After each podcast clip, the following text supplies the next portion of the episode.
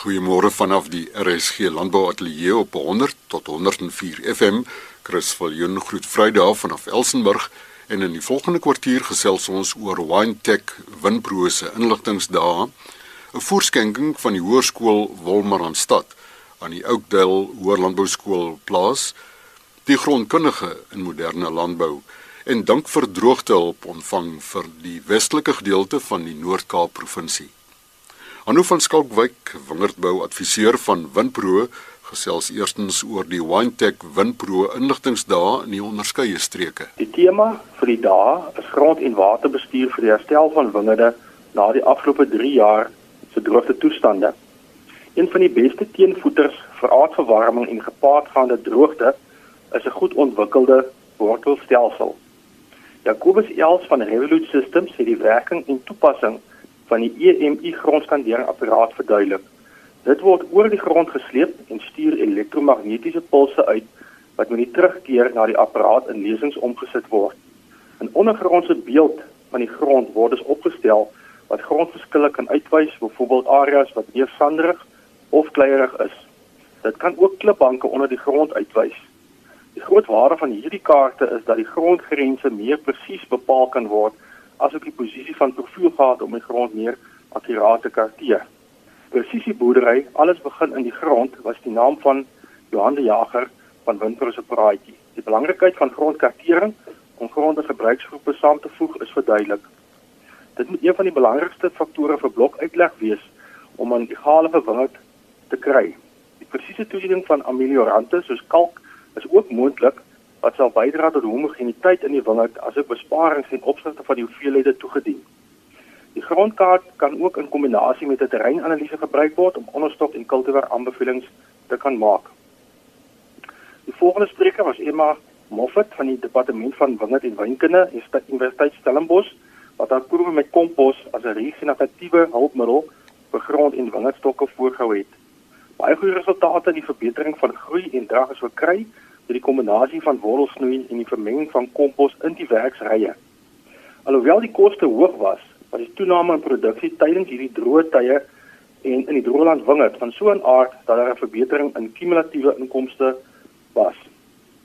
Daar bestaan met baie wingerdboere groot kommer oor die impak van die droogte op die wingerdstokke se reservevlakke, asook wat die effek van verlaagde reserve in die komende seisoen gaan wees.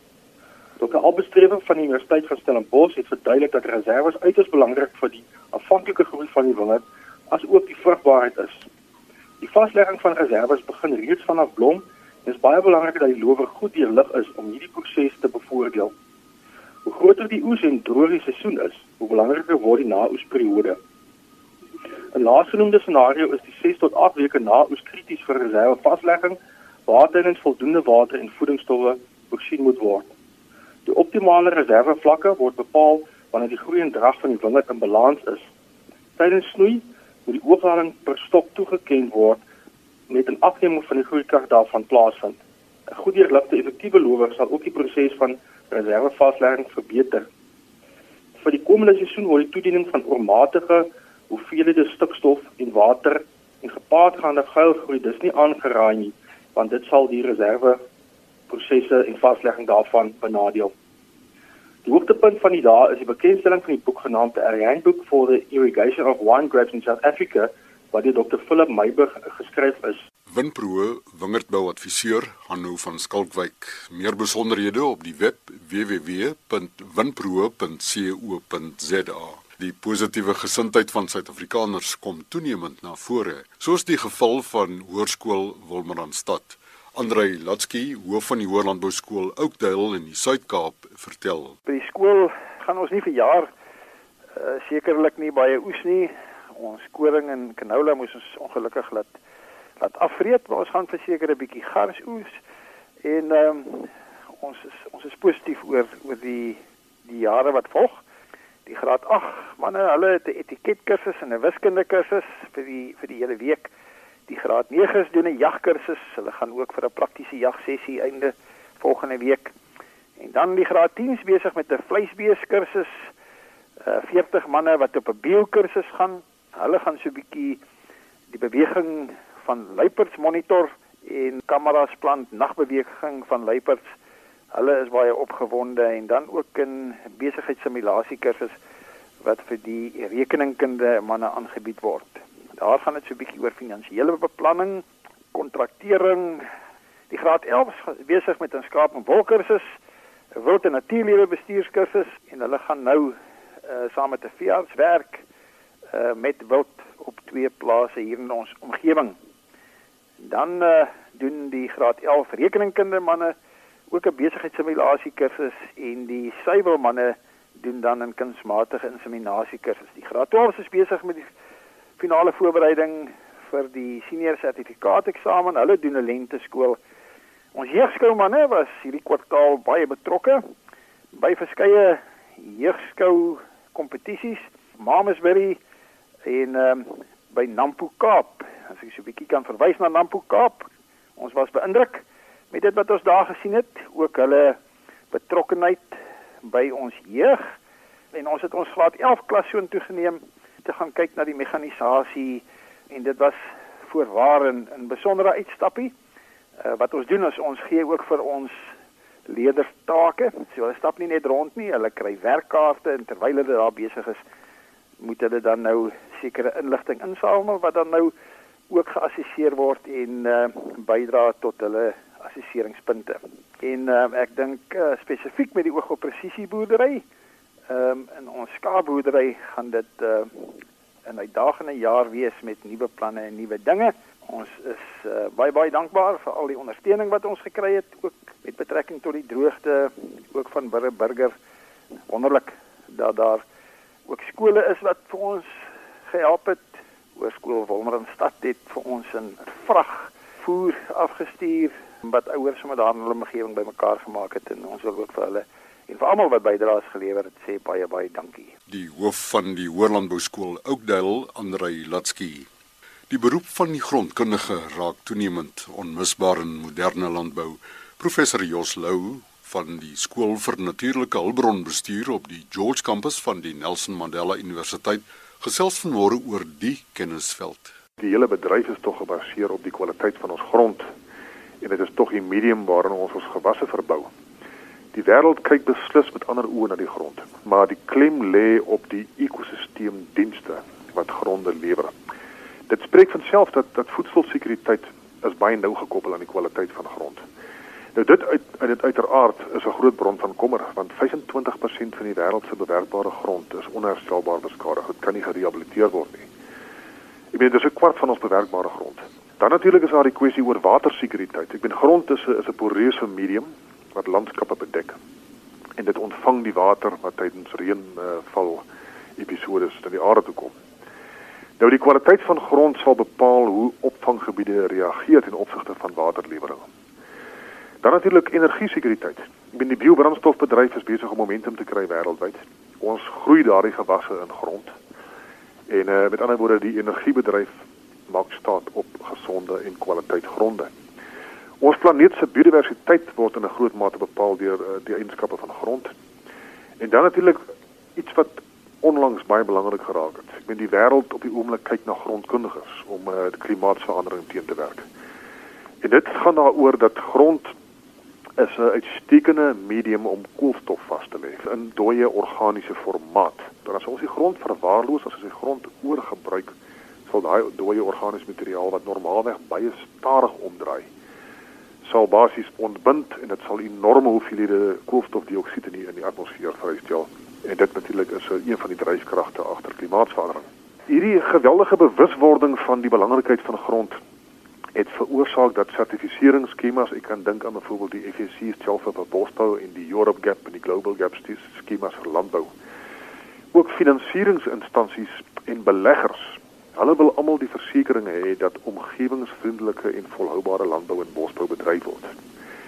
En daarom is 'n kennis van grondkunde in al hierdie bedrywe is van onskatbare waarde. Dit is beslis 'n baie aantreklike loopbaan met 'n kombinasie van uh, tyd in die buitelug en dan die beste moontlike tegnologie wat bedag te staan word gebruik om gronde te karteer, om gronde te interpreteer en beter te verstaan. So vir jong mense is dit 'n baie baie interessante en aantreklike loopbaan. Normaalweg nadat kundiges geraadpleeg is, eindig die boer of die bosbouer met 'n grondkaart. En dit is baie belangrik dat die gebruiker van grondkaarte die potensiële toepassingswaarde daarvan moet besef. Een van die belangrikste en eerste besluite wat so bosbouer of uh, boer dan moet maak is watter spesies om te plant of watter gewas, watter kultivar. Nou al hierdie tipe van vorms van kennis is tans in baie baie groot aanvraag. Dit raak al hoe belangriker in die Suid-Afrikaanse konteks. Uh, daar's definitief moontlike nuwe patrone van grondeienaarskap. Met ander woorde, daar's 'n baie groot behoefte aan opleiding en voorligting. En natuurlik die insette van grondkundiges word al hoe meer en meer gebruik uh, tydens omgewingsimpakstudies vir 'n verskeidenheid van dissiplines.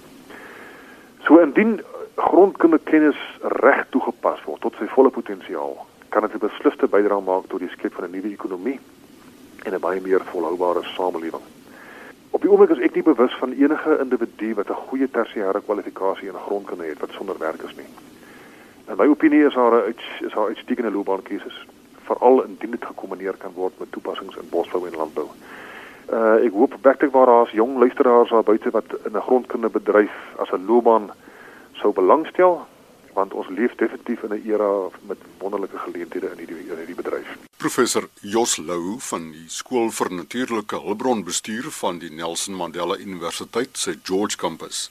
Die telefoonnommer by die universiteit 044 801 5111 0448015111 of professor Lou se e-posadres joshua j o s u a joshua.lou by mandela.ac.za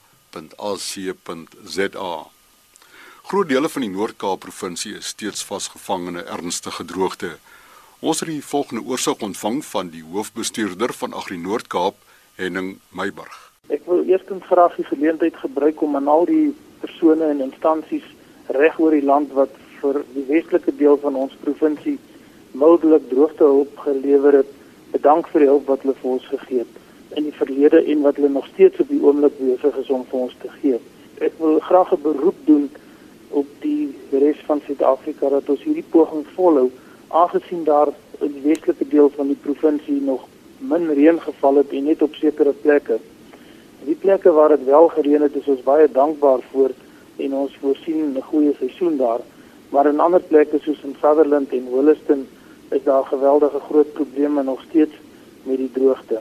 Nou net die geskiedenis van die droogtehulp wat ons tot dusver ontvang het van die staat se kant af. Ons het 127 miljoen rand ontvang vir die maande van April, Mei en Junie wat in 3 gelyke gedeeltes oor die 3 maande aan die boere uitgedeel is deur ons provinsiale uh, landboudepartement hierso op 'n uiters effektiewe en vinnige manier en sonder enige probleme. Nou ons is ook besig dan nou om weer met die nasionale rampehulpsentrum te onderhandel oor verdere hulp. Daar's tog asof daar 'n traagheid op die oomblik is om ons te help te kom, hoofsaaklik weens die hulp wat reeds gelewer is en dan kom daar elke nou en dan vanaf die nasionale departement nog steeds 'n argument op dat die hulp moet gelewer word deur middel van gebruikmaking van wat hulle noem service providers of diensleweraars. Nou, ons het in die verlede gesien dat hierdie diensleweraars net tot moeilikheid lei en dat daar groot dele van die hulp verlore gaan op allerlei maniere en weens allerlei ongewenste uh, redes.